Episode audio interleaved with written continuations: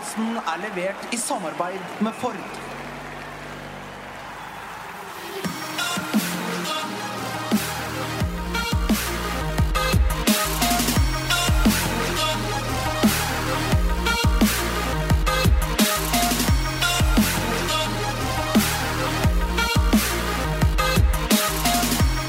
Filming, filming, filming og filming. Hvordan løser man eh, problemet? Manchester City med en frekk 1-5-4-formasjon. Crystal Palace fikk eh, seieren sin. Everton de får eh, ingenting for tiden. Mens eh, Manchester United, Liverpool og Chelsea prøver å krabbe seg etter ligaleder Manchester City.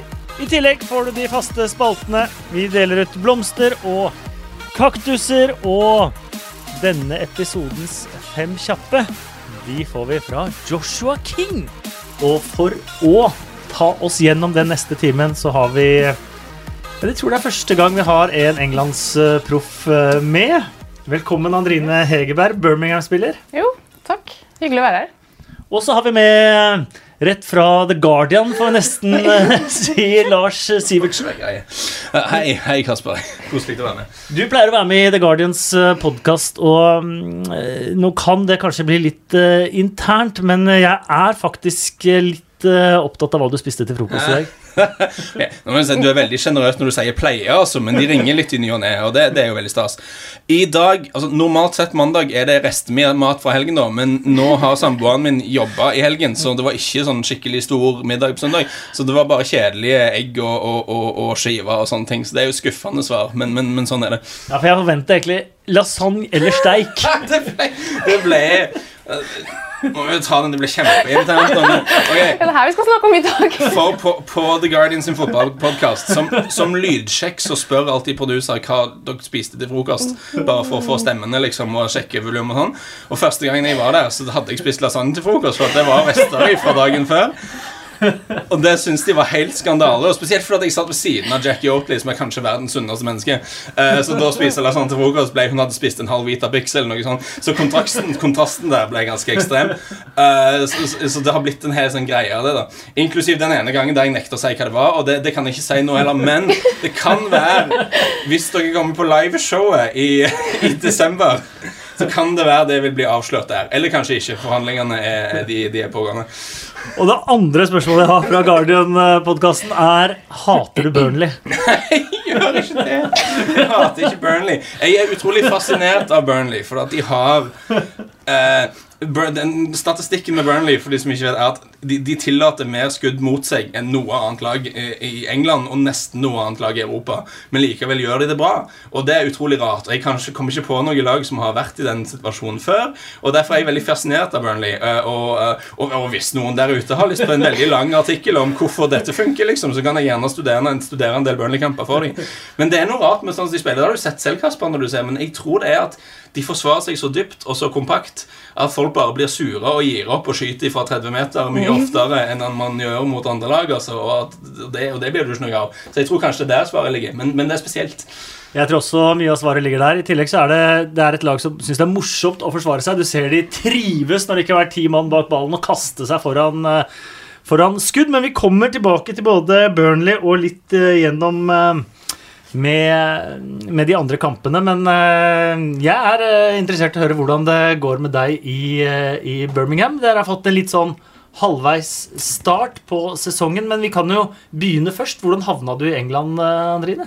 Jo, det er litt kul historie, faktisk. Iallfall når man ser litt på damefotball og utviklinga den har hatt. Så hadde de en scout nesten som fulgte med i, eh, i 16 måneder, faktisk. Før de eh, tok kontakt da jeg spilte i, i Göteborg i Sverige. Så hadde jeg vært der i tre år når jeg dro, da. Så først så England er veldig nytt, og det har skjedd utrolig mye på de siste to-tre åra der. Eh, Så i starten var jeg litt skeptisk og takka nei, og fortsatte i i Göteborg. Men så kom de på banen igjen og inviterte meg over. Og da tok jeg en tur hit og så hvordan de hadde det, og hvordan de hadde tenkt det skulle bli. Og da, da frista det litt å ta et steg videre. Da. Uh, og det angrer jeg ikke på at jeg gjorde, for det har vært veldig, veldig kult. Og det skjer utrolig mye fortsatt. Det Men de har, eh, de har snudd fra De kalte det semiproff, men uh, om vi kan ha proff i i det hverdagen de hadde før, det vet jeg ikke. Men det har, det har utvikla seg til at de fleste er heltidsproff, og, og ligaen er utrolig kul. Ja, for det er jo eh, mange som drømmer om eh, Premier League, i hvert fall blant eh, gutta. Er Premier League liksom en like sterk jentedrøm? Mm, ikke enda, tror jeg ikke. For at, eh, sånn som jeg sjøl òg visste veldig lite om ligaen. Visste at Arsenal hadde vunnet Champions League. Og... Men igjen, det var på den tida det var to treninger i, uka. Og så klarte de å vinne Champions League på et eller annet mysterisk vis, spør du meg egentlig. Men, men jeg visste veldig lite. Jeg hadde veldig lite tilgang til informasjon og sånn også. Men du ser jo nå har de sånne her eh, på mandager kjører de eh, et program, TV-show på BBC Sport og, som er en halvtime i studio, sånn som de gjør med herrene. Eh, Så får, det er mye mer enklere å komme, få tilgang på, på materiale og klipp. og Det er mye TV-show og mye på sosiale medier, og kamper vises. Og så er det mye internasjonale navn som har kommet til den ligaen. Så jeg tror det blir mer og mer attraktiv med åra som kommer. Også. Ja, definitivt. Eh, Jeg har både sett The Women's Super League Show, og, og du ser engelsk i mesterskap. Jeg kommenterte EM i, eh, i sommer. Eh, De nederlandske stjernene de skulle jo omtrent Ja. alle over til, eh, til eh, England. Har du merka forskjell bare på det drøye året du har vært halvannet året du har vært i, i ligaen?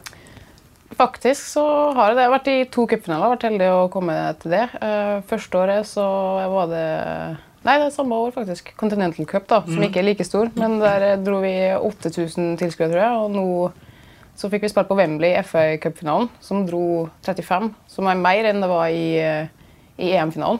Så du merker jo at trøkket er der. og, og Det var 35 000 her, men det var mange unger. Sant? Så det var sånn her skriking på et høyt nivå gjennom 90 minutter. Så helt umulig å kommunisere på en bane her. Så det var en ny opplevelse. Det var, det var kult, men det var utrolig slitsomt etterpå. Vi tapte, og det var, det var tungt etterpå, men det var til syvende og sist veldig artig likevel. Men jeg så matchen. Eh, Ja. Manchester City var eh, store favoritter. Dere kom godt i gang. Eh, Ja, Vi bruker å spille godt mot dem, også. men i den finalen der så hadde de grei styring, egentlig. En cupfinale-dag. Eh, fortell om Det må ha vært en fantastisk opplevelse. Jeg har vært på Wembley der flere ganger selv. Ja, det var kult, altså. Som slår deg nesten vekk. Det var, men hele opplevelsen var kul, for at den begynte eh, igjen. da, så eh, var det tidlig oppbygging til finalen, og man skulle dra inn folk. og eh, Engelske Football Federation var jo borte med oss hadde to mediedager og mye innspilling. og Vi fikk tour på Wembley to dager før, og vi dro to dager før. Så det var veldig sånn det var lang oppbygging. Det var ikke bare selve dagen. da, Så vi merka at uh, her var stort. Og du merker jo at Wembley det er Ja, alle vet jo hva det er i England. Uh, og det var liksom det ikke så viktig at vi spilte finale, det var viktigere at vi spilte på Wembley egentlig, for dem rundt. virka som da. Så det dro, dro veldig. Og da ble med en gang vi ble mer tatt veldig på alvor. da, Med en gang bare Wembley var inne i bildet. Så det, det er utrolig kult. De skal spille der neste år òg. Så nei, det, det opplevelse jeg gjerne vil gjenta, og gjerne med et gull òg. For det var tungt å gå opp og ta den der sørmen. Det var langt opp, vet du. Åh, ikke noe med at vi måtte opp der, men det var sånn lange trappetrinn. Det tok jo helt til slutt. Eh, men til daglig så spiller du i Birmingham. Mm. Eh, hvor i Birmingham eh, spiller du, og hvor mange tilskuere er det? Og... Nei, vi Flesteparten av oss bor i Solhjul, da, som er liksom 20 minutter unna selve sentrum i Birmingham. Og så spiller vi også på en stadion som heter Solhjul Moors FC. Så Dere er bedre enn dem. det håper jeg virkelig. Det er kjekt å se oss spille. God stemning og sånn, men det håper vi er bedre. Altså. Eh, Der er det gode gamle kick and run, ja. Så, Men jeg tenker jo for folk som, eh, Det er mye nordmenn som reiser mye til eh, England og Mm. ser fotball og reiser rundt på ulike baner og sånt nå. Eh, flere burde ta turen innom dere. Ja, hjertelig velkommen. Eh, har faktisk møtt et par nordmenn på match. Og noen som eh, hadde fått med seg at jeg hadde dratt fra Sverige òg, så de kom, eh, det var noen svensker som kom. Som, som trodde jeg var svensk, da. Men det var hyggelig, det òg. Men eh, ja, det er bare å komme innom, for Birmingham herrelaget er ikke så mye å se på det heller for tida. Nei, Dessverre. det ble ikke bedre med Steve Cotterill eh, som manager. Heller selv om sterkt 1-1 mot Sheffield United Ja. i, eh, i, i helga. Um, Vi får vel begynne da med, med den store kampen uh, først. Liverpool mot uh, Chelsea. Den endte 1-1. Mohammed Salah, Premier Leagues toppskårer, eh, 1-0. Eh, William utligna på en, et innlegg. det var jo det. Men det var bra intervju etter kampen. med William. Det, det fikk jeg med meg. Det var, det var bra jobba. Ja, Han nekta på at det var innlegg. Eh, beautiful uh, shot, mente han, uh, mente han eh, selv. Men det ville du også sagt, Andrine. Ganske ærlig om det òg. Så jeg, blir, jeg, jeg vet ikke om jeg ville sagt det, men uh, kanskje kunne kødda og sagt det. Han, er, han har humor. Han vil, han husker For mange mange herrens år siden så intervjua jeg han på treningsanlegget til Chelsea og gjennom tolk, da, for han snakket nesten ingenting engelsk. da Men vi fikk spurt han da hvem han syntes hadde best hår av han og David Louis. Og da merker jeg at selv gjennom oversetter så tente han syntes det var kjempemorsomt. For han lo godt og sa at nei, mitt hår er best. David Louis sitt hår det faller av. Han kommer til å være skalla neste uke. Det er helt ubrukelig. Så han, han, er, han er en veldig morsom eh, fyr. Det, det var utrolig. Men det var, det var jo et herlig mål, selv om det ikke var tiltenkt. Fantastisk mål, selv om det ikke var tiltenkt. Men det var visst første gang han snakker engelsk i denne sesongen. tror jeg faktisk. Han har brukt såpass lang tid på, på å lære seg det. Ja, men det er, ikke- det er ikke lett det der Må, må, altså, Det tar jo med for gjette vi som vokste opp med engelsk i alle kanaler og sånne ting. Altså, det er litt ugreit å komme fra komme fra, Han kom jo strengt tatt ikke fra Brasil, han kom strengt tatt fra Ukraina. når han kom over, så han har jo vært eller, nei, nei, men han var innom, han var innom Anji, så han da kom fra vi, u, Ja, han var i Sjaktar og Dagestan, Anji. Dagestan via Sjaktar fra Ja, stemmer. Men eh, u, uansett, det var vel med litt skuff for Liverpool-folket, da, vil jeg tro. For at de var jo, det var jo nesten en stor og litt ettertrengt eh, seier for de der. Eh, Liverpool tok ledelsen, skulle beholde ledelsen, men det var snakk om før kampen, var jo Mané og Firmino på, på benk. Mange som reagerte på det foran en, en toppkamp. Selvfølgelig, det var det, men eh, det, det jo De fikk jo målet de skulle ha, og Salah, som har vært outstanding, fikk det. Men så var det kanskje at de mangla litt kynisme da på slutten. Og det var jo en interessant snakkis etter kampen der fra Jørgen Klopp at vi vil heller gi meg enn å, enn å, enn å være kynisk og spille, eh, spille skittent og sånne ting. Og det, det er jo prisverdig, men, men spørsmålet er om, om det er riktig, da. Eh, Og det er litt nysgjerrig på hva du tenker, egentlig, Kasper. Eh, nei, Det som var problemet hans, var vel at eh, dommeren mente han var kynisk, og ikke lot han bytte inn Lalana, så han fikk lagt om formasjonen. Og han mente jo da etterpå at eh, hadde han fått tatt det byttet som han skulle få tatt, så hadde Klavan vært der Ja, William det ble la inn og skåra. Så jo, så jo det, det ble veldig hypotetisk for meg. altså Det er sånn Liker Jørgen Klopp, og han er en kul fyr, og alt sånn men sånne kommentarer etter kamp er litt sånn teit, syns jeg. da i hvert fall. Ja, um, men Firmino og Sané på, på benk Det er rart å benke to av sine tre beste spillere til, til en sånn match. Det er alltid rart med å gjøre sånne ting. Vi så, jeg og to av mine tyske lagkamerater satt og så matcher vi òg. Vi, vi sto, stilte oss litt uforstående til det. Så jeg spurte dem som er tyskere, om de har hørt noe, men eh, de hadde ikke sett noe, dem heller. Så er det det som jeg, Var det det han sa? Det tett, tett kampprogram er vel eh, kanskje Det det, det. som er grunnen. Og så tidligere Chelsea-spiss. Kanskje han så for seg med Sturridge inn at uh, han hadde noe å bevise. Det er, det er vanskelig å, å si, men uh, Mané var åpenbart ikke veldig fornøyd etter kampen, hvis man skal tolke kroppsspråk. Nei, men det skal du ikke være heller. altså Hvis du har spillere som er fornøyd med å bli benka i toppkamp, så har du større problemer, egentlig. Så det er helt greit så lenge blir liksom den frustrasjonen blir kanalisert i, i form av større innsats på trening neste uke, og, og kanskje han skårer hat trick neste kamp han starter. så hvem vet det, det Men det er jo det er sånn som du sier, de har det, det kampprogrammet man har nå, og ikke bare ikke bare det man har, man har hatt, men det man skal ha framover i ukene nå, er ganske heftig. Så det, så det kanskje kan føle man, man skulle overraske motstanderne litt liksom i en lineup som de kanskje ikke var forberedt på. Altså, det, det finnes mange grunner, og jeg syns jo Sånn som kampen ble, så Det var jo ikke noe krise at han tok det uttaket. Det funka jo greit. Du hadde den ledelsen du skulle hatt. Det var bare at du ikke klarte å holde deg helt inn. Bortsett fra at de kanskje kunne leda med tre hvis Men det, igjen, da er det ikke det kjempehypotetisk, da, Kasper. Kom an. Men eh, Liverpool har 14 poeng opp. eh, Chelsea har 11 poeng opp. Er det mulig å ta fra Manchester City? Uff, spør du meg. Uh, altså, City er jo uh, stabil, dem, da, skulle du si. Så- De ser nesten uslåelige ut. Ja, altså teoretisk sett er det alltid mulig å kanskje ta igjen, men eh, det blir det samme litt sånn som også. Når man er, ligger i situasjonen hvor man ligger litt Vi er i sjiktet, men samtidig da må vi vinne alt som er. Så selvfølgelig, vi tror jo det. Jeg vil se for meg at de guttene der sitter og tror at det er mulig, så klart. Hvis ikke så har de sikkert ikke giddet å gå på banen. Sånn er jo, tenker vi jo. For man vil jo alltid vinne. Men eh, altså Premier League, det er vanskelig å si, altså. Men Manchester City hos dere er litt det samme. De har vunnet alle fem første kampene, og dere møter dem til helga. Ja, sant. Eh, Og så samtidig så har vi spilt jevnt, og vi har leda sånn sist nå, leda til siste ti og tapt 3-1 til slutt. Så alt kan skje i fotball, som jeg sier. Eh, Men eh, det er jo alltid de store kampene og sånn der som er kjekt å vinne, men sånn med tett kampprogram og, og alt det der inne i bildet, så er det jo viktig å vinne alle. Så det hjelper jo ikke om, man slår City, eller om man taper hvis man taper mot eh, lavere lag etterpå. Merker du på hele klubben der nå? Når du er der? Eh, hele organisasjonen, liksom? Eh, ja, så merker jeg også på også hele teamet og Steffen med også at vi har alltid lyst til å vinne når vi kommer dit. Så derfor tenker jeg at det er veldig creds til City, for jeg tenker at alle lag vil slå City og Chelsea for så vidt òg. Så at de da klarer å, å vinne på sånn måte, sånn som f.eks. mot oss, da. Det, men, det er litt det som skiller oss og et topplag akkurat nå, men jeg føler at noen har den der faktoren til å vinne om de siste ti. og Nå har det skjedd to ganger mot oss, så så får vi se nå til helga om vi har lært alle gode ting etter tre. og det der, Men eh, vi får se. Ja, jeg tenker jo på herresiden da om at det er ikke utenkelig hvis du ser på United hvis du ser på Chelsea. altså Begge de lagene føler jeg kan finne på å vinne 10-15 kamper bra. Det, det, sånn som de, det, det kan skje. liksom, det er ikke det hvis du ser som sånn, Men, men kommer City til å tape mange kamper? da? Ja, det, det det, må vel nesten skader til.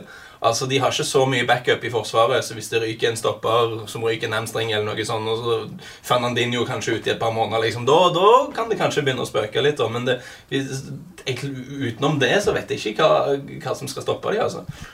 Nei, Manchester City de lå under 0-1 til pause eh, mot eh, Huddersfield. Eh, for første gang siden 1996 så snudde de en kamp til å under til pause. Eh, til seier. Ja, bra stett, Vikestad. Bra, Meget bra. Det var Sjukt, faktisk. Ja, og det er ikke sånn at det aldri har skjedd, for det er over 70 kamper. Visstnok.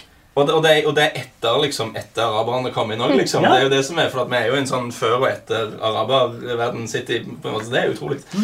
De sleit bra. Eh, på 1-1 der så la han om vel til en formasjon som jeg ikke kan beskrive som noe annet enn en 1-5-4. Eh, det tror jeg aldri har sett før.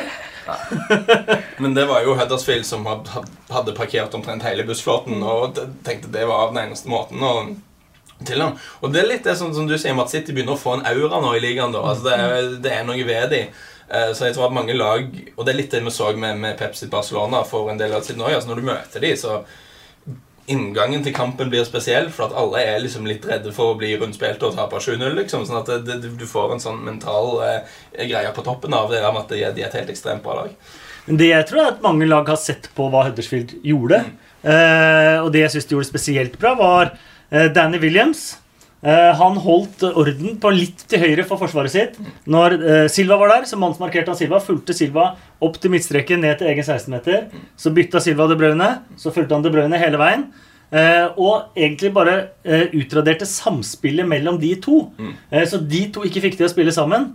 Eh, men da byttet kom, da han tok ut Company, satte inn Gabriel Jesus, så ble det én mann til der framme å ta vare på for Danny Williams. Og da blei overmakta for stor. Og da så vi også De Bruyne som spilte gjennom Jesus før, før 2-1. Ja, Det handler jo om å stoppe de pasningsrutene, da. på en måte. Forsyningslinjene? Ja, forsyningslinjene er det, var det, det, gode, var det gode norske ordet jeg lette etter. Nei, det er det det, det, det, det, det, det, det blir. Og, men problemet ditt er at du kan stoppe De har så mange gode spillere. Som liksom Ja, kan skade deg så mange. Spesielt De Bruyne fascinerer meg, da.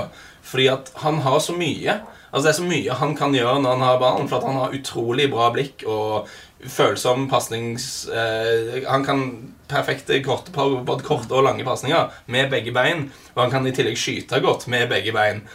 Så når han har ballen 30 meter innover, hva, hva i all verden gjør du som forsvarsspiller? liksom? For det er ikke noe, Du vet ikke helt hva han Han kan gjøre hva som helst. Og det jo, må jo være hekkan for en forsvarsspiller å liksom, å, å håndtere.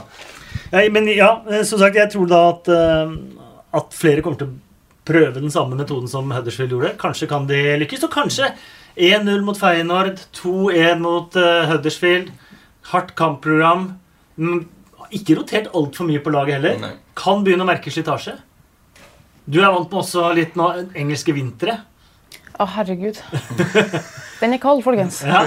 Oh, det begynner jo nå. Den, den vinner nå. Så Jeg vet ikke hva jeg skal gjøre. Jeg må, faktisk fikse noe varme i tærne. Altså. Eller sånn sokk eller et eller annet. Jeg må sjekke opp det. eller? Og søramerikanere og de andre, kommer de til å merke det på Manchester City? At det, det er en ny, ny greie? Det er godt å høre at du òg som, som god nordmann reagerer på dette. For det er noe med kulden her i landet. Det er surt. Ja, for det alle sier at du, må, du er jo vant til kulde, du er jo født i kulde. Så jeg, ja, men den, den vinden her, det er noe helt det, det, annet. det er vind, og så er det så mye fukt hele veien. Sånn at det går liksom gjennom Uansett hva du har på deg av klær, så blir du kald. liksom Det, det, det, det er noe helt spesielt. Og det, mm, det er tunge baner du kan spille, skal spille på. Det, det, det er noe hekkende, det. Ja, vi har Sunderland borte 6. januar. ja, følg på den Ja, jeg fikk god latter på uh, Gantry da jeg kommenterte i går da jeg dro boblejakke utapå frakken. det Funker det òg? Helt legitimt. Helt legitimt. Ja, men jentene her de kan komme ut i shorts og T-skjorte nå. Ja. Senest i går. Ja, de, de, er Ja, det er mye spesielt på byen i helge. Er Mye spesielle bekledninger. Tenk på trening, da, men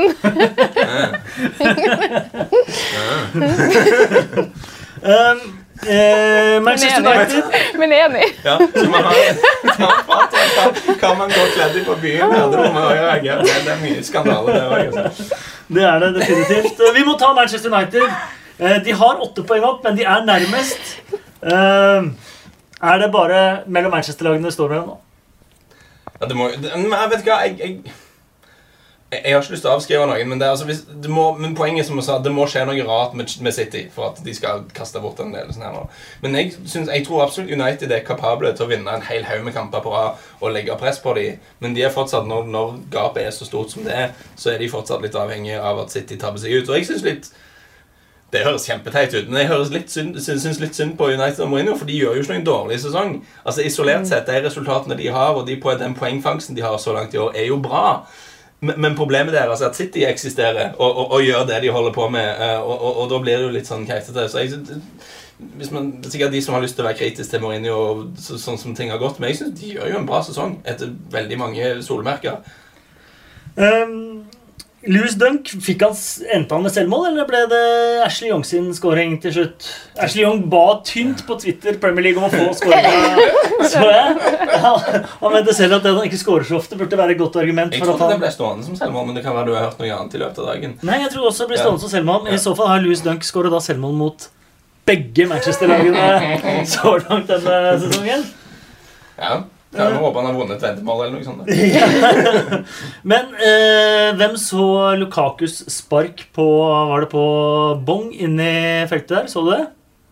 På, men, Nei. Så du sparket? Jeg så bare overskriften i dag. Jeg tror ikke den kom Ja. med var det. der. Det var ikke på Match of the Day engang. Nei, det var ikke det. det var, Nei. jeg så overskriften i avisen. så vidt jeg var sånn, Nei, da, han, han, han sparker først en gang litt sånn bak, og så snur han sånn sparkeren for, forfra. Eh, det, Men- men, Høres jo ikke bra ut. Nei, det høres ikke bra ut. Det ser ikke bra ut, men så ser det ut som det kanskje kan være litt uforskyldt etter at FA har i hvert fall bestemt seg for å ikke straffe det. og, og hvor skal egentlig grensen gå med tanke på sånn etterdømming og sånn? Altså det, det, det, det må jo være en balansegang der på at det, det er fint at man har det, det, som vi skal snakke om senere, et filmepanel og sånne ting, tror jeg er en positiv ting.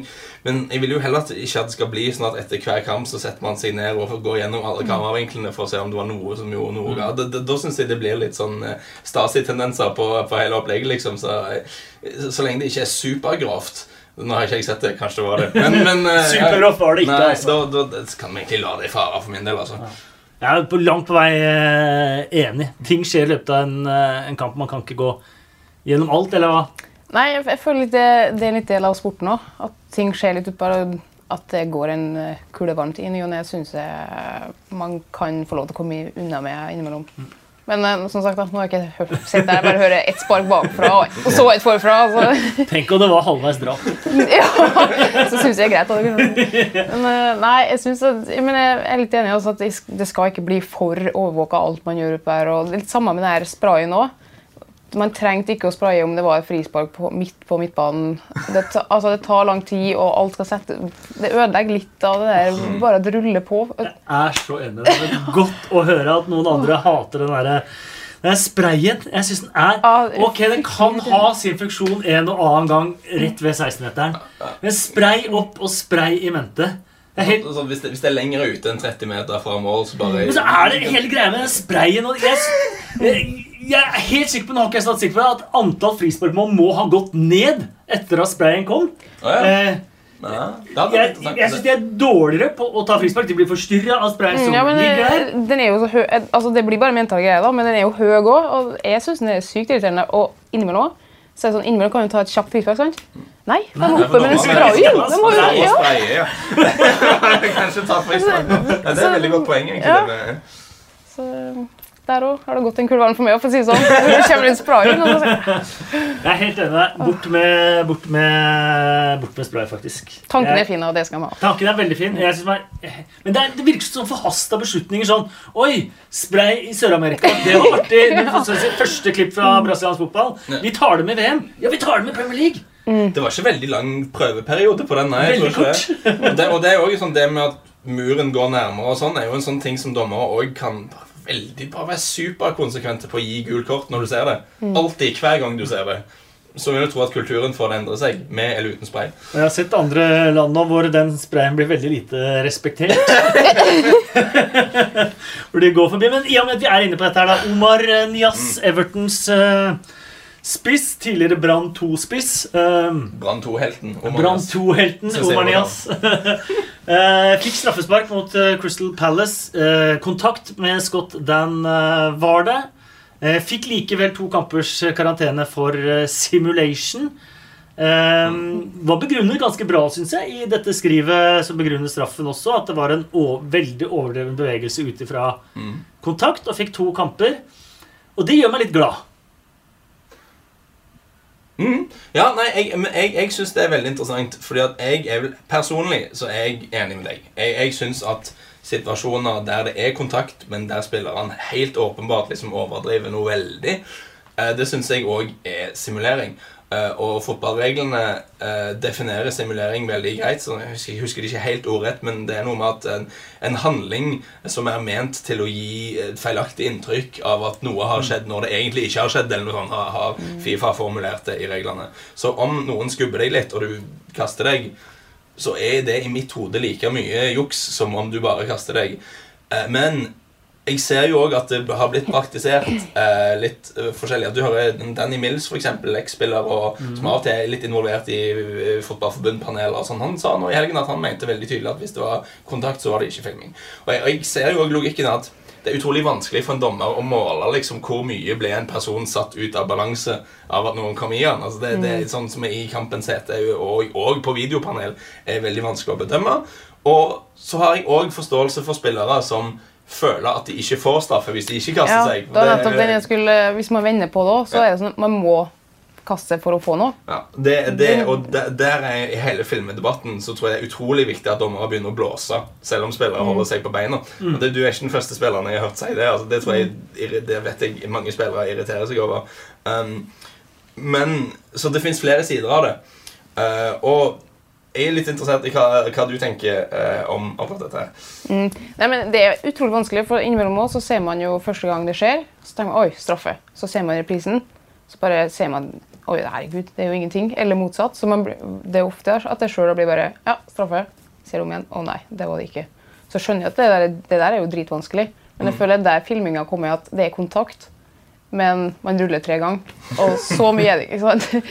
Og hvis jeg sjøl har vært dommer da, og ser noen rulle tre ganger, selv om kontakten er ganske tydelig òg ah, Jeg blir så irritert. Jeg har sikkert ikke kommet til å gitt straffer som det Bare på var. trass. Ja, Og, sant? og så ser du også liksom, Hvis noen blir skubba i skuldrene, og så plutselig vakler knærne på en måte og du bare, Å nei! Det er liksom veldig mange snodige nervesystemer rundt forbi i fotballen. eh, Men, men så er det det med for dommere. Skal man vurdere liksom i hvor stor grad man blir skubba ut av balanse? Er, det er ikke lett å vurdere, selv Nei. ikke på video i etterkant. Men her har jo forbundet satt en sånn litt rar presedens. Man skjønte jo at den første straffen kom til å komme til en litt mindre profilert spiller. Det, det lå i alle kort. Eh, men samtidig, når man har gjort det, og man har ikke gjort det på en eh, blatant dive, hvis man skal ta forskjell, men på en som overdrev etter kontakt, så har man også satt en presedens videre. Og det syns jeg er helt greit. Ja, det er jeg Eh, enig i, også. det er ikke sånn kontakt, så er det, er det noe uansett. Eh, Men hva da med de som blir ferska? Eh, Vi hadde Fernandinho i, mot Huddersfield. Han fikk gult kort for uh, filming. Uh, han får ikke noe karantene. For regelen er sånn at hvis du har påvirket kamputfallet, altså du har fått, klart å lure dommeren, så får du karantene. Men hvis dommeren oppdager det, så får du gult kort og ikke karantene. Men da slipper du egentlig for billig unna. Uh, og så er det sånn som André Ayu på fredag på Westham mot Leicester. Hvor han filmer, får ikke straffe, får ikke gult kort. Eh, så han slipper jo helt unna. Eh, så her må det strammes til litt andre ender eh, også, mener jeg, da. Ja, det er klart. Det er jo logikk, det, egentlig, bak det. Men det er litt sånn nå når de Det er litt den X-faktoren til de topplagene har òg. De kan fort få straffe uten å gjøre den store filminga eller den store at man tryner. Det kan være kontakt og man, man detter, eller man, det kan være kontakt og man hopper. De storlagene de trenger Jeg skal ikke si at de ikke at det her er hver situasjon, men jeg merker jo selv at dommeren har veldig respekt for de lagene, og de får mye enklere òg. Eller lettere at de får Dommeren blæs mye lettere mot storlag. Så de har jo den fordelen også, så jeg vet ikke om det blir samme situasjon med at de har fordel ved at de ikke får noe utestengelse. Men hos dere er det ikke noe særlig filming. Veldig lite, egentlig. Sitter dere og ler av gutta når, eh, når Ja, rullene kommer? vi gjør det faktisk. Det er ikke. Det, men det, det har Jeg vet ikke, vi er i det stadiet at det ikke er kommet til oss enda. Vi, det er fortsatt den genuiniteten med fotballspillinga hos oss, tror jeg, som, som er det fortsatt. Men det skal sies at England på damesida er verste laget når det kommer til tror, jeg tror, Hvis filming skal komme til et land først, så er det hit det kommer, tror jeg. Det er det. Ikke Sør-Amerika? er mye, ja, det, ja, jo, forresten. Altså, det kan hende. Det kan godt hende. Det kjenner jeg ikke godt nok til. Men, uh, her i, ja. men eh, det er veldig lite filming, altså. Det er det. Eh, men det fins litt etterslenginger og spark og sånt. Det gjør det. Jeg er, for å avslutte det med Nias, jeg er enormt spent på hva som skjer den dagen en, som for eksempel, en spiller som f.eks. Harry Kane, som A spiller for en stor klubb, B har Du blir vel fort heller Deli Alli. Ja, kanskje. Men, men for mitt, mitt poeng er at hvis Harry Kane gjør det, en spiller som A spiller for en stor klubb, B har et rykte på seg for å være en god kar og har veldig mange eh, både i media og eks-spillere og eks-trenere som liker han veldig godt. Og, og det er de som sitter på disse panelene. Altså Panelene er en eks-spiller, en eks-trener og en eks-dommer. Hvis en spiller som har et veldig på seg Nias er en sånn, Ingen kjenner noe særlig til Nias. liksom. Det er ikke veldig mange hjemme hos-artikler om Oman Nias i pressen. her, liksom. Så ingen har noen formening om hva slags type han er. Men, men, men den dagen en spiller som alle liksom vet er en god kar som ikke jukser, gjør akkurat det Nias gjør, og det er jeg sikker på at Kane har gjort før og kommer til å gjøre, det med at hvis du blir skubba i skulderen, så legger du deg for at du håper du skal få straffe, har komiteen til Fotballforbundet liksom eh, Har de ryggrad nok til å, til å holde den presidensen, da? Når det, når det er en, en, en person som alle kjenner og alle liker? Det er jeg veldig spent på, og jeg personlig er litt skeptisk til om det kommer til å bli fulgt opp skikkelig. Vi har jo en annen situasjon der også. Tarkovskij mot eh, Aaron Ramsey, på, hvis vi går videre eh, der. Eh, Arsenal sleit mot Burnley. Fikk straffe på overtid etter en dytt fra Tarkovskij på Ramsey. Hendene er i ryggen på Ramsey, det ser man. Eh, men jeg vet ikke om Ramsey har mye tatoveringer, men da har han det ha vært eh, skriking på tatoveringssjappa. Det ser ut som han ikke tåler veldig mye. Nei, men det er jo så rart, for at det, er jo, det ser ut som det er en liten dytt der, men det er jo ingen tvil om at han overlever noe voldsomt.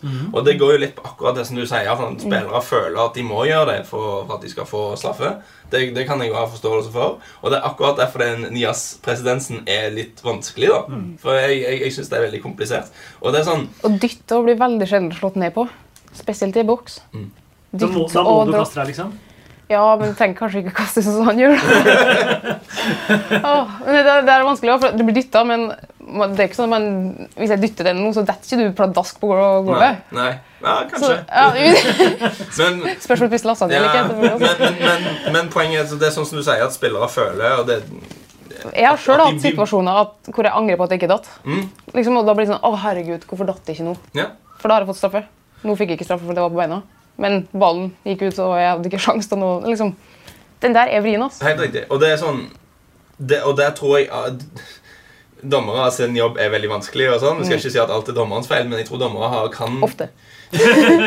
Dommere kan gjør veldig mye for å ha, gjøre et positivt bidrag til hele filmproblematikken ved å bare gi straffe når folk holder seg på beina. Og, og når de liksom, hvis folk blir skubba og kommer ut av balanse, men tar avslutningen likevel og måker den opp på tribunen fordi Ja. de var helt ute av balanse, det kan være straffe. Det mener jeg det, det, det, det må være straffe, syns jeg. Mm. Hvis ikke så har du ingen grunn til å holde deg på beina.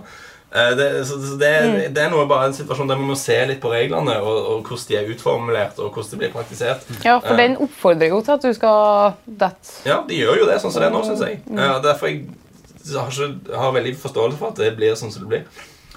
Men eh, med Arsenals seier, da, for å kutte den eh, diskusjonen eh, der eh, Vi har runda den diskusjonen. Ja. Nå er vi ferdige. Vi har løst alle problemer.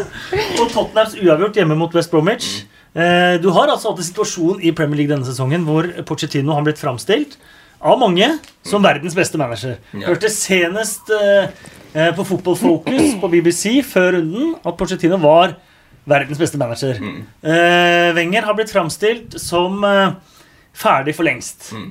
Eh, men Wenger vant Nord-London Derby, Mm. og Arsenal er foran Tottenham på tabellen. Er det noe som skurrer? Først og fremst så må man si at det har litt med forventningene å gjøre òg. og, og faktum er at Tottenham har Men Er forventningene før denne sesongen større til Arsenal enn til Tottenham? Det må de være. Nei. Jo, jeg sier ikke det. Jo, men, de, men, men de skal være det. Altså, Arsenal har dobbelt så mye penger å bruke på spillerne sine. Da er det lov å forvente mer av det som kommer ut av det. Og det er det som er grunnen til at Pochettino blir genierklært. at Tottenham har Tottenham er ikke veldig langt unna Everton for eksempel, økonomisk med forutsetningene. De brukte jo noen 100 millioner, i, 100 millioner pund i, i, i lønnsutgifter, mens Everton ligger på 80 eller noe sånt, mens Arsenal og de er oppe i 200 og over det. Så, det. så poenget er at han blir genierklært fordi han har tatt Tottenham opp på et nivå der de egentlig ikke har økonomiske forutsetninger for å være. Eh, og fordi han har liksom overprestert i forhold til de forutsetningene over flere år nå, så har nok forventningene blitt skrudd opp på et nivå der kanskje er det riktig at de er det, kanskje er det ikke at de er riktig at de er med. Så, så, lenge, så lenge Tottenham er med i topp fire-kampen og er med det, så syns jeg han presterer langt over det man egentlig skal kunne forvente. Mens, eh, mens det at Arsenal er over de på tabellen, ja, ok, bra, men, men sånn skal det egentlig være altså, når, når ressursskapet er sånn som det, mener jeg. Ja, den er, den er vanskelig, den der, altså. Uh, Arsenal har jo et veldig Eller Tottenham har jo for så vidt det òg. Et eh, stort navn å leve opp til òg. Så Men jeg hadde, jeg hadde større forventninger til Tottenham denne sesongen her enn til Arsenal, egentlig. Før sesongen. Det hadde jeg òg. Et poeng er jo at Men det er veldig godt poeng, det økonomiske, da. Ja, Et poeng er at Tottenham det, det er litt krise for Tottenham fordi Tottenham er i en situasjon der jeg tror alle spillere på deres sterkeste første elver vet at de kan trene dobbelt så mye i en annen klubb. Så det er spørsmålet hvor lenge kan du liksom holde den situasjonen sånn før det blir fullstendig opprør. liksom. Og, og de har godt samhold, det virker som de liker hverandre, de liker treneren veldig godt, og det, det hjelper veldig. Og det har vært en følelse av at klubben er på vei i en eller annen retning. Og det hjelper òg for å holde folk samla. Og, og du tenker at gresset, gresset trenger ikke være grønnere og alt det der. Men hvis man nå får en lite hakk tilbake og kommer kanskje på tredje, fjerde, kanskje til og med femteplass i år da, da tror jeg det er ganske mange av de gutter som begynner å tenke at jeg har en kort karriere, liksom, og alle syns jeg er veldig god, og jeg kan tjene mye mer penger hvis jeg drar til City eller United eller hva det nå enn måtte være. Så, så for Tottenham så er de har en veldig komplisert framtid foran seg med tanke på hvordan de skal prøve å holde denne stallen sammen uten at de leverer ut masse kontrakter som de ikke har råd til å, til å dekke. Uh, og, og det hadde hjulpet de veldig hvis de uh, vant et trofé, tror jeg. Da, det, hadde, det hadde vært bra for de Og det hadde vært bra med tanke på å holde gruppen samla hvis de hadde kjempa helt i toppen. Nå, og nå som det ser ut som det er mye som tyder på at de får et lite, lite tilbakefall, da, ehm, da har de en utfordring for å holde spillerne i klubben. Og jeg tror de vil på sikt få en utfordring for å holde Pochettino i klubben òg. Men de får ostebar på nye stadion. Det får de. Det kan det, det, det, det veier opp for veldig mye. For hva for noe? Ostebar. det skal være ostevar. Jaså? Egen bar på nye stadion med masse forskjellige oster. Jøss. Ja, da er det sikkert mange som blir. Det er opp for det meste, det. Stay for the cheese. Men, Og USB-uttak i setene.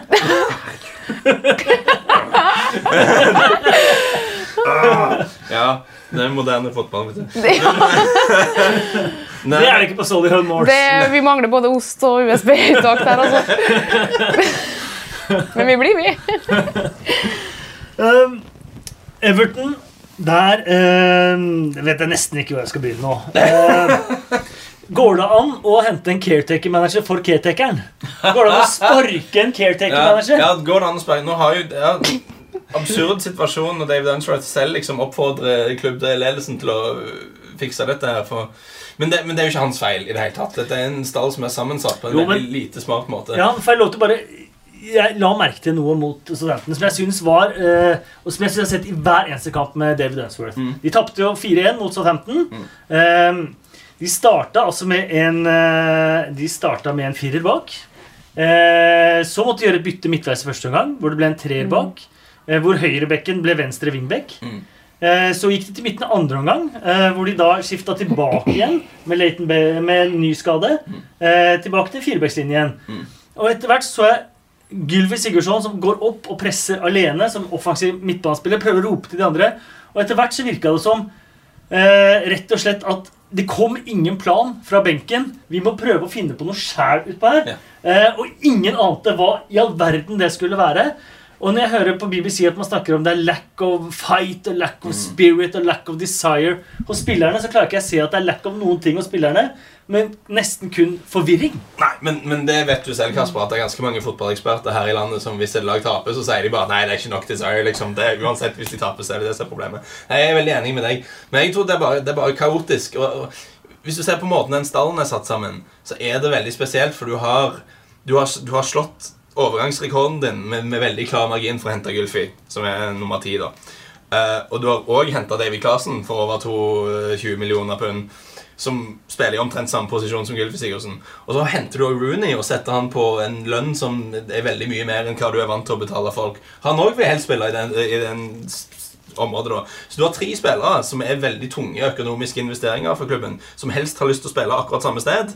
Men så har du bare én venstreback i, kl- i klubben, som er Laden Bain, som er godt over 30, og han skal liksom spille venstreback i, i 60 kamper i år, eller noe sånt. Altså, hva, hva det hva er det de har tenkt på her? Det, det, det, jeg skjønner ikke at det, Dette er liksom millionindustrier, liksom, der det teoretisk sett skal være utrolig kompetente folk med, så, med alle dataanalyseverktøy og alt tilgjengelig, og så setter de sammen liksom en sånn tøysestall som ikke gir noen, me- altså, ikke gir noen mening i det hele tatt, og da, da, da, blir det ikke bra. Men du har rett, det er jo selvfølgelig mer det mer umiddelbare problemet er at de, David Unsworth er nok ikke en Premier League-manager eh, per dags dato. Kanskje han blir det i framtiden, men akkurat nå kanskje ikke. Nei, for det, er, for det har vært sånn fra første kamp. Han gjorde forandringene sine til uh, ligacupkampen mot Chelsea. Så gjorde han forandringer til ligakampen, og så gjorde han forandringer til europaligakampen. Ja. Og så har det vært åtte-ti forandringer nesten hver gang, både i formasjon og i stall. Og han eh, begynte jo også da med å gjøre var den første kamp mot Leicester. Mm. Og han bare Nei, jeg tok ut feil lag, så jeg gjør to bytter i pausene og legger inn formasjonen. Han klar, virker som han ikke har klart å finne ut Han har vært så usikker, da. At det har blitt Ja. Merker man det som spiller når man har en trener eller manager som Uh, Nei, nei Uh, Som Next. ikke Nei, altså, men man merker, man merker veldig på sånt, ja. Og det er ofte er det, kan det være en stor grunn til at det er lack, lack of desire på, hos spillerne og på banen. Og det der er veldig sånn De går veldig i hverandre, de der to. Og, og så blir det, og du har også managere som gjerne bytter ut to i pausen og skylder gjerne på dem da, istedenfor å si at jeg tok ut feil lag. Men så kan, altså, sånne ting kan skape forvirring. Når det skjer over én gang, fair enough, spør du meg, altså, men uh, hvis det skjer gjentatte ganger og veldig mye rulleringer i laget på måten der, så det, kan det veldig fort skape forvirring. Og da, når det første lack of desire kommer, da den er vanskelig å snu igjen. altså. Da må alle være med på, på båten igjen, og den er, den er ikke alltid enkel. Du er aktiv på Twitter, Andrine. Det er du også, Lars. Eh, men det er også Joey Barton. Uten sammenligning. for øvrig. Uten sammenligning for øvrig. Han mente nå at eh, han, han har vært etter Unsworth siden før ansettelsen av Ja. caretaker. Han mente jo at uh, Unsworth var for tjukk til å være manager. For det er for dårlig eksempel for spillerne. Eh, men nå mener han også at David Unsworth ikke kan gå tilbake til å være U23-manager, som han var. eh, fordi han har mista Han har vist at han ikke duger så til de grader. Det, det er knallhardt. For han har gjort en god jobb der. Ja. Virker det som, fra utsiden i hvert fall. Men det kan faktisk være noe i den dynamikken der, da. Uh, at du mister litt autoritet overfor 18-19-åringene du skal liksom coache når du har vært inne på A-laget, og stort sett bare tapt, og alt har gått fullstendig gale. Og så skal du gå ned igjen og, og være liksom beinhard sjef for 18-åringer, som, som sikkert altså, 18 år gamle alfagutter liksom, som tror de har hele vedet. Altså, det, det, det, det, kan, nok hende at det er vanskelig for han det. altså. Det, kan jeg faktisk forstå. Vi får uh, se. Jeg irriterer meg mest over at han har uh, nesten ødelagt en av mine favoritt-unge spillere. John Joe Kenny er kanskje en av de som har fått mest spilletid, men nesten, han, han virker ødelagt, rett og slett. Man ser han uh, utpå der i den femte ulike posisjonen. Det er ikke, det er ikke lett. Eh, en som da har fått sin eh, opptur, Crystal Palace. Plutselig så driver de og vinner. Og ja, når man er i den posisjonen Crystal Palace er, eh, og får 2-1-skåring på overtid Det finnes ikke noe bedre. Det er aldri noe bedre enn å vinne på overtid, egentlig. Altså, det, så måla òg. De var jo fin. Så nei. Men Ryan Shawcross, føler han seg som en syndebukk der? Jo, Du kan fortelle hva som skjedde. Jeg, jeg, jeg lever godt med at Ryan Shawcross er, er, er synder. Han- Han, han hadde altså en sjanse 20 cm fra mål, var det det? Mm. Som han klarte å sette bakover. Ja, det var, det var veldig snodig, det. Det var sånn karma for mye annet rart som Ryan Shawcross har gjort i livet sitt, tror jeg. Nei, så den. Det var, det var veldig spesielt. Men jeg, jeg, jeg, jeg, tror dette med Palace jeg, tror- jeg tror de ble avskrevet litt for tidlig, rett og slett. Fordi at hvis du ser på terminlisten, så var, hadde de en sånn rekke, da, en sånn grusom rekke med forferdelige kamper på, som gjorde at de, de tapte hele veien. Og, og kanskje hadde de tapt hele veien uansett, men det er noe sånn det er med, med, med, med oss i pressen, eh, og det er jeg like skyldig som alle andre, at når liksom, vi ser har- er litt godtsynte av og til. altså Vi tenker at hvis noen har tapt fire kamper, liksom, så må alt være helt jævlig. Mens hvis du ser på Palace, så det, det fins en annen teori der, og det er at de fikk i hvert fall, De fikk unnagjort eh, en del grusomme kamper på kampprogrammet når de var helt ute av formen likevel. liksom, Og så fikk Hodgson noen uker på, på å få ting sammen. For dette er jo det så vi jo når, når Hodgson tok over Fulham for veldig lenge siden, så tok det lang tid før han fikk orden for ting. For han har en sånn måte å jobbe på. Han er veldig på Det er sikkert ikke veldig kjekt for spillerne, han er veldig sånn, sånn stram organisering og ikke helt sånn at de springer rundt på treningsfeltet med, med tau mellom seg for at avstandene skal være riktige, og sånn, ikke langt unna heller. altså Utrolig sånn kjedelig formasjonstrening time etter Som time. Som U11-treninga på Lilletøyen. ja, det, det, det er utrolig mye formasjonstrening for å få avstandene mellom lagdeler riktig. og sånne ting, og det, det tar liksom litt tid før det synker inn. Eh, Så, så, at, så Hodgson er en trener som når han kommer inn, så tar det gjerne litt tid før det, før det klikker. før det blir skikkelig. Så at de hadde en sånn periode der de møtte veldig vanskelige lag den før de ble Hodgenifisert uansett. Det trenger ikke være noen ulempe, egentlig. og jeg tror det, det, er en del kap, det er en del kapasiteter der. Wilfred Zaha er en fabelaktig fotballspiller når han er i form. Loftus Cheek ser bra ut, og det er litt kult, for han er jo sånn som alle har snakket om som et kjempetalent veldig lenge. Um, men han har jo ikke spilt, så vi har jo ikke fått sett noe av det. Og nå, nå får han spille jevnlig, og du ser at det bor veldig mye fotball i, i han.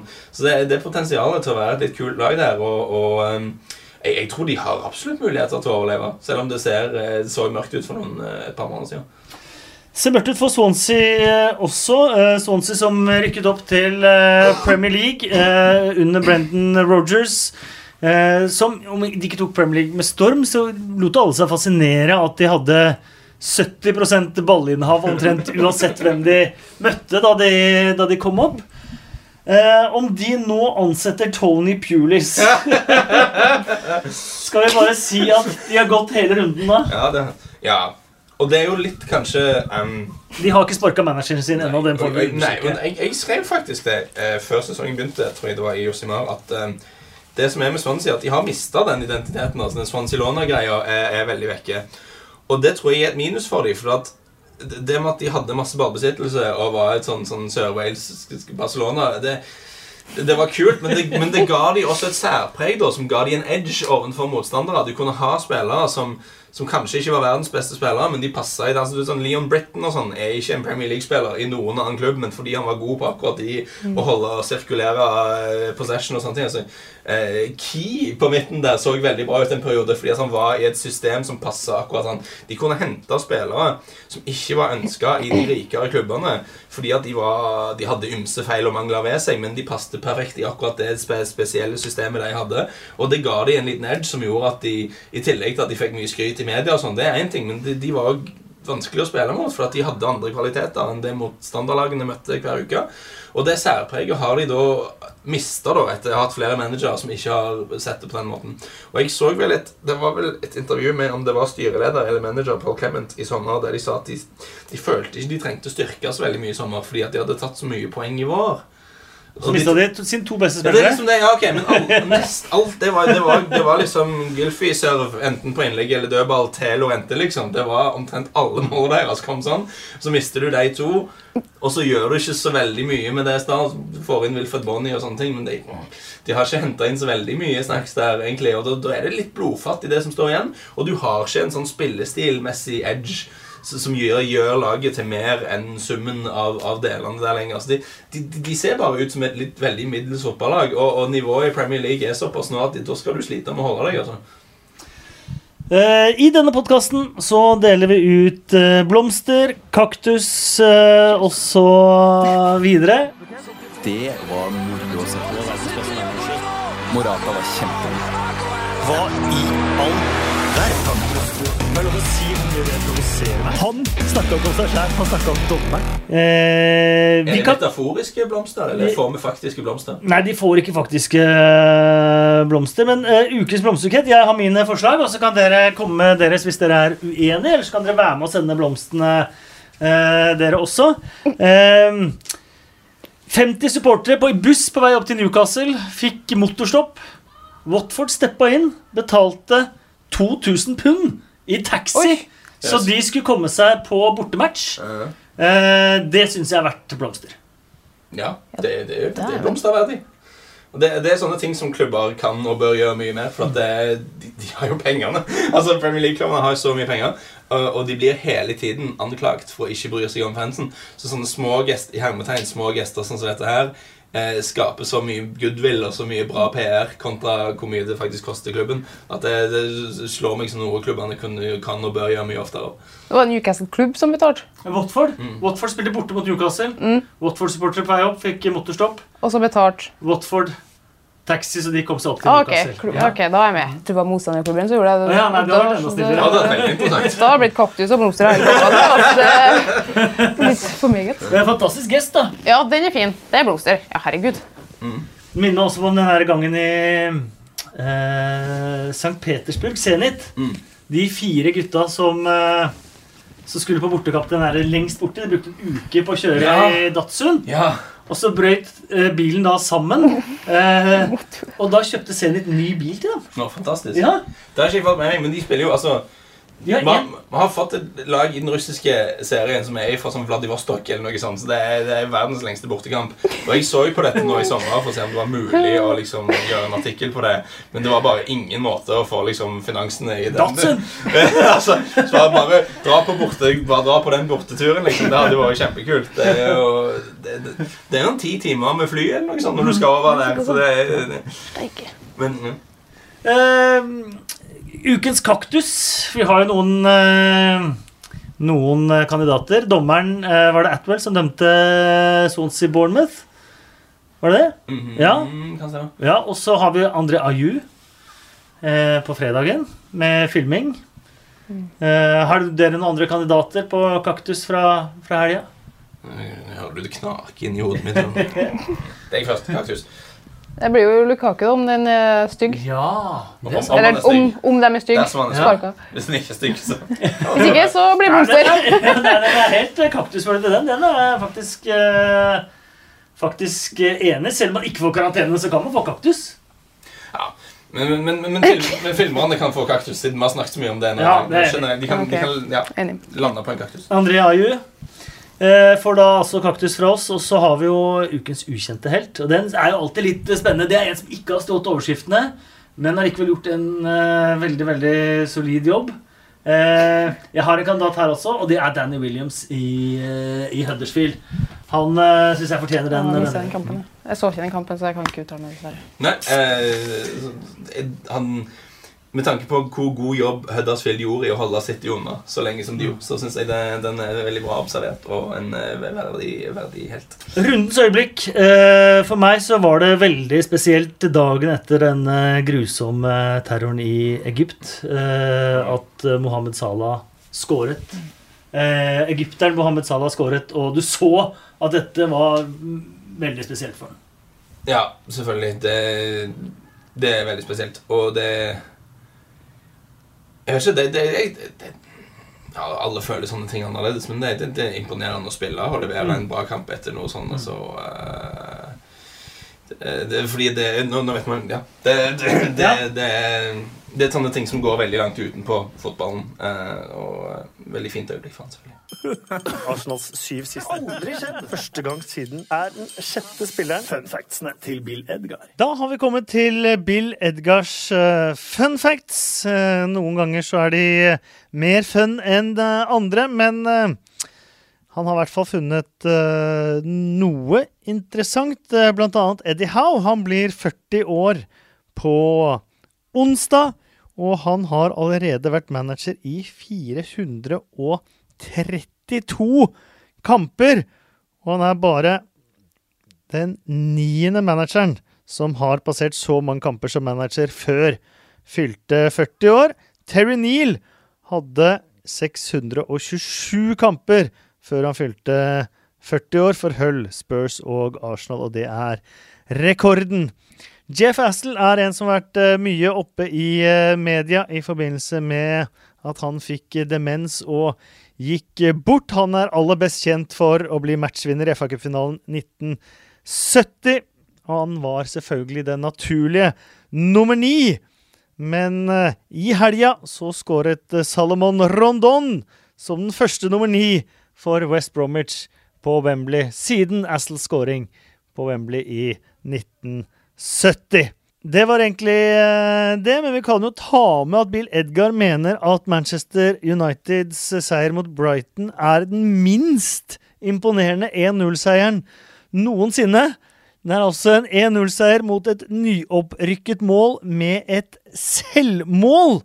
Og det er jo ikke veldig imponerende, men tre poeng er uh, Tre poeng, og Bill Edgars hode er Bill Edgars hode. Eh, vi også pleier å avslutte med fem kjappe spørsmål. Eh, jeg skal fortelle dere én ting. At de fem kjappe spørsmålene stiller jeg ikke til dere. Eh, de får eh, Joshua King. Ah. Så Joshua King skal ta fem kjappe for oss eh, denne gangen. Men jeg syns vi burde avslutte litt med å prate om eh, Watford. største borteseier siden 1986. Og det som ikke kommer til å skje denne sesongen, sannsynligvis, men sist gang de hadde 21 poeng etter 13 kamper, var det 82-83. Da havna de på andreplass. ja. Nå er det spørsmål om de klarer å holde på treneren ut sesongen. da ja. Men de, um, de, er smarte. Potzer-familien er veldig intelligente folk. Det vet uh, alle som har fulgt Serie A lenge. At uh, Der har de gjort noe tilsvarende i form av at de har eid Odinese. og tatt en klubb som ikke har forutsetninger til å utrette all verden. Henta Alexis Sanchez i sin tid, faktisk. Ja, utrolig speidernettverk. altså, han er en av mange eh, store spillere som har gått gjennom Pozzo-systemet. Um, og de har, de drev, som de gjør det fortsatt, men før i tiden så drev de iallfall å reise rundt i eh, Sør-Amerika Sør og kjøpte transferopsjoner på mm, enormt mange tenåringer på en måte for å liksom ha nesten teppebombing av, av eh, talentspeiding. på en måte. Eh, og, og, de, og det, de, de, de, kan drive butikk, og de har en måte å drive klubb på som mange i England ikke syns er det, det, det er ikke det man er vant med i England. Eh, det med at eh, de er ikke redde for å sparke manager hvis de syns en manager ikke helt gjør det. Altså, han trenger ikke nødvendigvis gjøre det dårlig. Bare, bare ikke er helt det de vil, så, så sparker de han. Det er noe greit. Og ikke spillere kjøpes og selges kanskje i litt høyere frekvens enn det de egentlig vil ha. Og, eller egentlig, og det, det, er en litt annen måte å drive eh, butikk på enn det man vant med i England, og derfor har de fått mye pes. Jeg mener, husker at for et par år siden så kalte vel The Daily Mail de for alt som er galt med moderne fotball i én klubb. Det er en ganske stor påstand. Men, ja, de hadde jo en variant hvor de hadde 20 lånespillere ja. og rykka opp fra championship. Ja, nei, nei, så det er, en, det er, en, del rare ting, da. Men de er skarpe folk eh, som eh, har nå satt sammen et eh, slagkraftig lag og har eh, truffet veldig godt på manageransettelser. Uh, litt ironisk nå, siden de er så glad i å sparke manageren. Nå ser det ut at de mister den, for de har funnet en som er for god nå. Um, og, eh, og Watford-fans vil sikkert være skuffa over at eh, Silva Det føles uunngåelig at han vil dra til en større klubb. Eh, om det blir Everton. Det ser det ut som det ikke blir. Det ser ut som de har satt seg veldig på bakbeina nå. Nå var det snakk om at Sam Allardyce skal til Everton, faktisk. Det hadde jo vært helt utrolig. Ja, han trakk seg selv, da. Så uansett um, Kanskje de burde fått blomster, egentlig, for det er for måten de har gjort ting på. Og, de fikk blomstene. De gjorde det. Ja, men det var for det var for supporterne. ja. Men det var, bare tenkte måten de har Ja, vi ga det til Watford som klubb. På generelt grunnlag, ja. ja ok um, og, og all ære til de. Uh, for, og jeg, jeg syns alltid det er interessant med klubber som gjør ting på en litt annen måte, og, og tør å gå litt imot um, de, de, de etablerte normene, og det gjør definitivt Potso-familien. Uh, og det har de lykkes godt med. Og hvis jeg hadde vært Watford-supporter, så hadde jeg vært litt trist for at Silva sannsynligvis drar. Men jeg hadde også følt at det er en av de fineste følelsene du kan ha som supporter, at du har eh, et eierskap og en ledelse i klubben som du heier på, som du stoler på.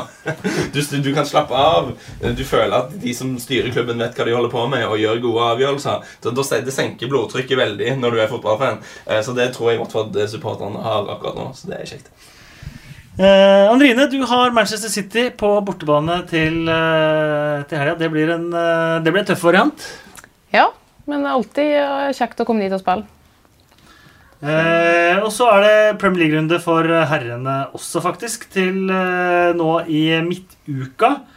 Eh, vi kan ta en kjapp, eh, kjapp bare tipperunde. Bare resultat, eh, folkens. Men vi jo si bare kjapt, vi har dårlig tid, da, men altså, det er kanskje Englands rareste derby. Vi har aldri dårlig tid i, eh, i denne podkasten. Har- det er, det, det er et fantastisk derby. Det er kanskje Englands rareste derby i den for, mellom Brighton og Crystal Palace.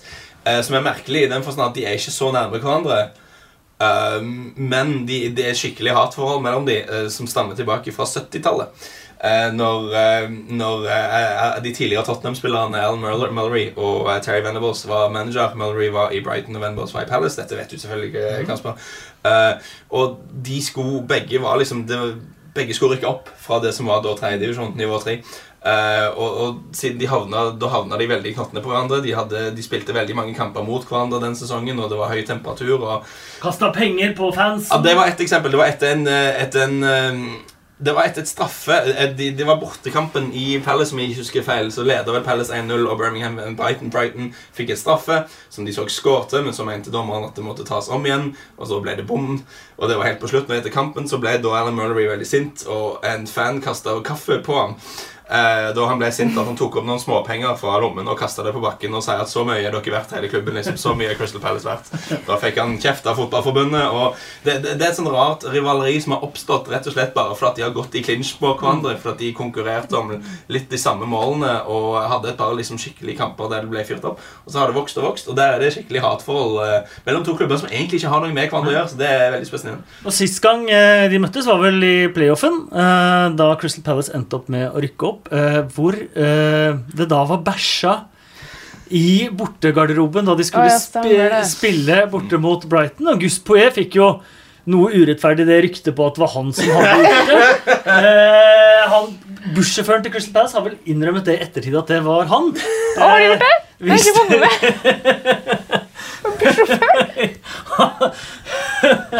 Men hvis dere vil ha hele den historien, så finn fram en av de tidligere episodene av denne podkasten. Ja, Jonathan. Jonathan Parr forteller om det. Eh, han var jo i, i Crystal Palace eh, da. Eh, og det var visst ikke sånn at det var litt bæsj. eh, så det er jo morsomt. Hvem, hvem, men Andrine, eh, Brighton Crystal Palace, hvordan ender det?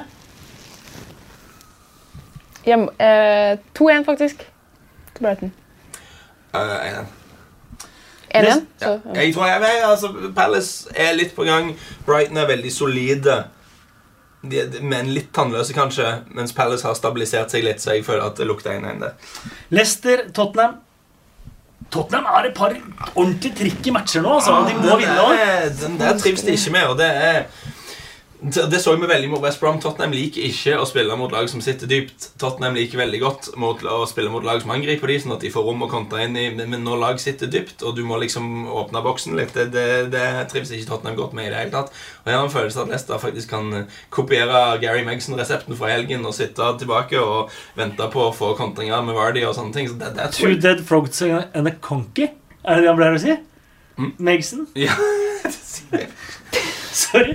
Det er bare han som har det uttrykket. Ja, men jeg, jeg, det er jo karma, da. For det, var, det er min feil at eh, West Brom tok poeng mot Tottenham i helga. For det var, vi var Megson-nyhetene kom mens vi satt i, i studio på den Guardian-podkasten forrige uke. Og jeg fikk faktisk litt latterkamper når jeg fikk høre at Megson var tilbake. Hvorfor? Når du er litt verdens rikeste liga, og liksom du kan hente managere fra øverste hylle og sånn Hvorfor ender Gary Megson opp med å bli sjef for noe som helst? Og så tar de selvfølgelig poeng mot Tottenham, fordi det, det er karma. Det er min feil. Det er sånn verden funker. Jeg tror det er fullt mulig at Tottenham snubler igjen. Jeg tror Leicester kan eh, klore seg til et uavgjort, så jeg sier 1-1 igjen der. Jeg sier 0-1. 0-1. Tottenham vinner. Det er viktig for dem. Eh, Watford, Manchester United er matchen vi viser på D2 Sport uh, Premium. Dette blir ikke noe enkel match for uh, Mourinho Tipper 1-0. til Watford. Ja, gjør det. Å, kult! Jeg tror jeg tror det er en veldig typisk Jeg tror det er en sånn kamp alle kommer til å snakke oh, nå skal Watford vinne. Nei, Det er veldig typisk Mourinho å vinne den 1-0 etter et sånn enormt heldig mål på et eller annet tidspunkt. Og en, og en veldig bra defensiv prestasjon. West Bromwich, Newcastle. Uh, Gud bedre. Eh, vi, klarer jo ikke å tippe. Megson-seier blir for mye for meg, men Newcastle er i forferdelig form. Så Ja, det blir. Jeg sier 1-1 igjen, da. Mye 1-1 på meg. Mm. Å, jeg tenkte egentlig 1-1, jo. Det er kjedelig å svare sånn. Da svarer jeg Uff, Ja, det er jo rein gjetting. Eh, Fire tap på rad for eh, Newcastle. Da er det på tide å vinne igjen. Jo, jo. Jeg går for Newcastle. Gjør du? Ja. Hva tipper du da? Nei, jeg vet ikke. 1-0 til Rafa. Gjør det, ja. Eh, Nei, jeg tror de taper 1-0. Altså. Da har vi alle variantene med et mål. Eh, på onsdag så er det Bournemouth eh, mot eh, Burnley. Og da tipper jeg faktisk King-skåringen. Ja. Han var ekstremt offensiv. Det får dere høre på de fem kjappe spørsmålene vi har stilt han, som kommer helt til slutt. Det liker vi for så vidt. Um, ja. Nei, men for, nå, nå får jeg jo den falske Burnley-hateren si hvordan Jeg får tippe hjemmeseier. 2-1. 2-0. En. Jeg håper alle har merket at uh, han håper at Burnley taper, Lars eh, Sivertsen. Arsenal mot uh, Huddersfield. Ja, det, det, det skal de klare, Arsenal. Det, det, det, 3-1 eller noe sånt. Det- Huddersfield sin bortestatistikk er ganske grim, så det tror jeg går helt greit for Arsenal. Selv om, de, 4-0. selv om de gjorde en god prestasjon nå i helga. Huddersfield Nei, men jeg tror ja, 3-1. Arsenal- De skal nok klare å kløne inn et mål da, på en eller annen måte. Men, eh, men eh, 3-1, tenker jeg. 3-0 går jeg for. Jeg går for 4-0. Chelsea-Swansea. Ja, sånn typisk 4-0-match. Ja. Ja, jeg, mm, lite sånn 4-0, Ja, jeg òg lite tro på Swansea. Everton Westham, den eh, sender vi på TV2 Sport eh, Premium. David Moyes tilbake på Goodison eh, Park. Eh, de skulle nok ønske de hadde David Moyes nå, Everton. Det skulle de det. Han er verdens mest negative mann da, nå om dagen. Så jeg vet ikke helt, han er, han er utrolig sånn Slutt å høre på intervjuene med han nå etter at han har tatt over Westham. Jeg synes han virker sånn Ja, ja. Han presterte å si når han tok over Når han ble presentert som ny Westham-trener, at altså, hvis det funker, så er det bra. Hvis ikke, så er jeg her i noen måneder, så får jeg en annen plass. Det Hva Øst-London. det er for en ting å si? Ja. Du kan jo ikke si det. Hvis du har en ny trener som sier i pressekonferanse at ja, det kjekt hvis det funker, hvis ikke, da så er jeg bare å jobbe en annen plass. Jeg, Altså, altså. du har ikke, da har du ikke starta så bra. Eller du, du setter jo ikke i respekt med en gang i spillergruppa. Du må jo sitte i spillergruppa og tenke hva dette er for en tosk. Ja, men Da må du gjøre det bra etterpå, iallfall. Uh -huh. 2-2. ja. Oi, det dårlig? ja, det blir jo to elendige lag, da, så det blir jo sikkert 2-2 eller 0-0 eller noe sånt. 0-0 tipper jeg faktisk. City, Manchester City, Southampton. Southampton er ganske seige. Altså. Ja, de, er ikke, de, er ikke, de er ikke lette. Og det kan, slå, det kan bli en ny sånn litt sånn som mot Huddersfield, der City har bare ballen hele veien, men sliter litt. Så jeg kan se for meg at det kan bli 2-0 eller noe sånt til slutt. Men jeg tror ikke det blir så enkelt som, eh, som man kanskje tror. 3-0 3-0, ja. Mm. Eh, Stoke mot Liverpool er den siste matchen der. 3-1 til Liverpool. Liverpool får plass der. Ja, 0-2, skulle du si. Ja, jeg tror Liverpool vinner. Jeg har ikke tro på Stoke Helt klart. Lars, hyggelig å se deg igjen. Kjempekjekt. Hyggelig at du eh, kom. Andrine også. Det var kjempekjekt å være her. Skikkelig trivelig her. Første gang jeg har spilt inn podkast på et bitte lite hotellrom, eh, Samme her. faktisk. Men det funka jo eh, bra, det.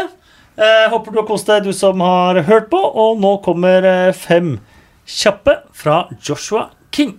Jeg håper de er kule. Hæ? Jeg håper de er bra. Ja, det er eh, Du kan gi terningkast etterpå. Vi okay. prøver. Hvem vinner Premier League? City. Hvilken plass kommer Bournemouth på? Niende. Hvor mange mål skårer du? 16. Hvem blir toppskårer i Premier League? Salah. Hvem er den tøffeste forsvareren å møte i Premier Van Dijk. det var ikke dårlig spørsmål.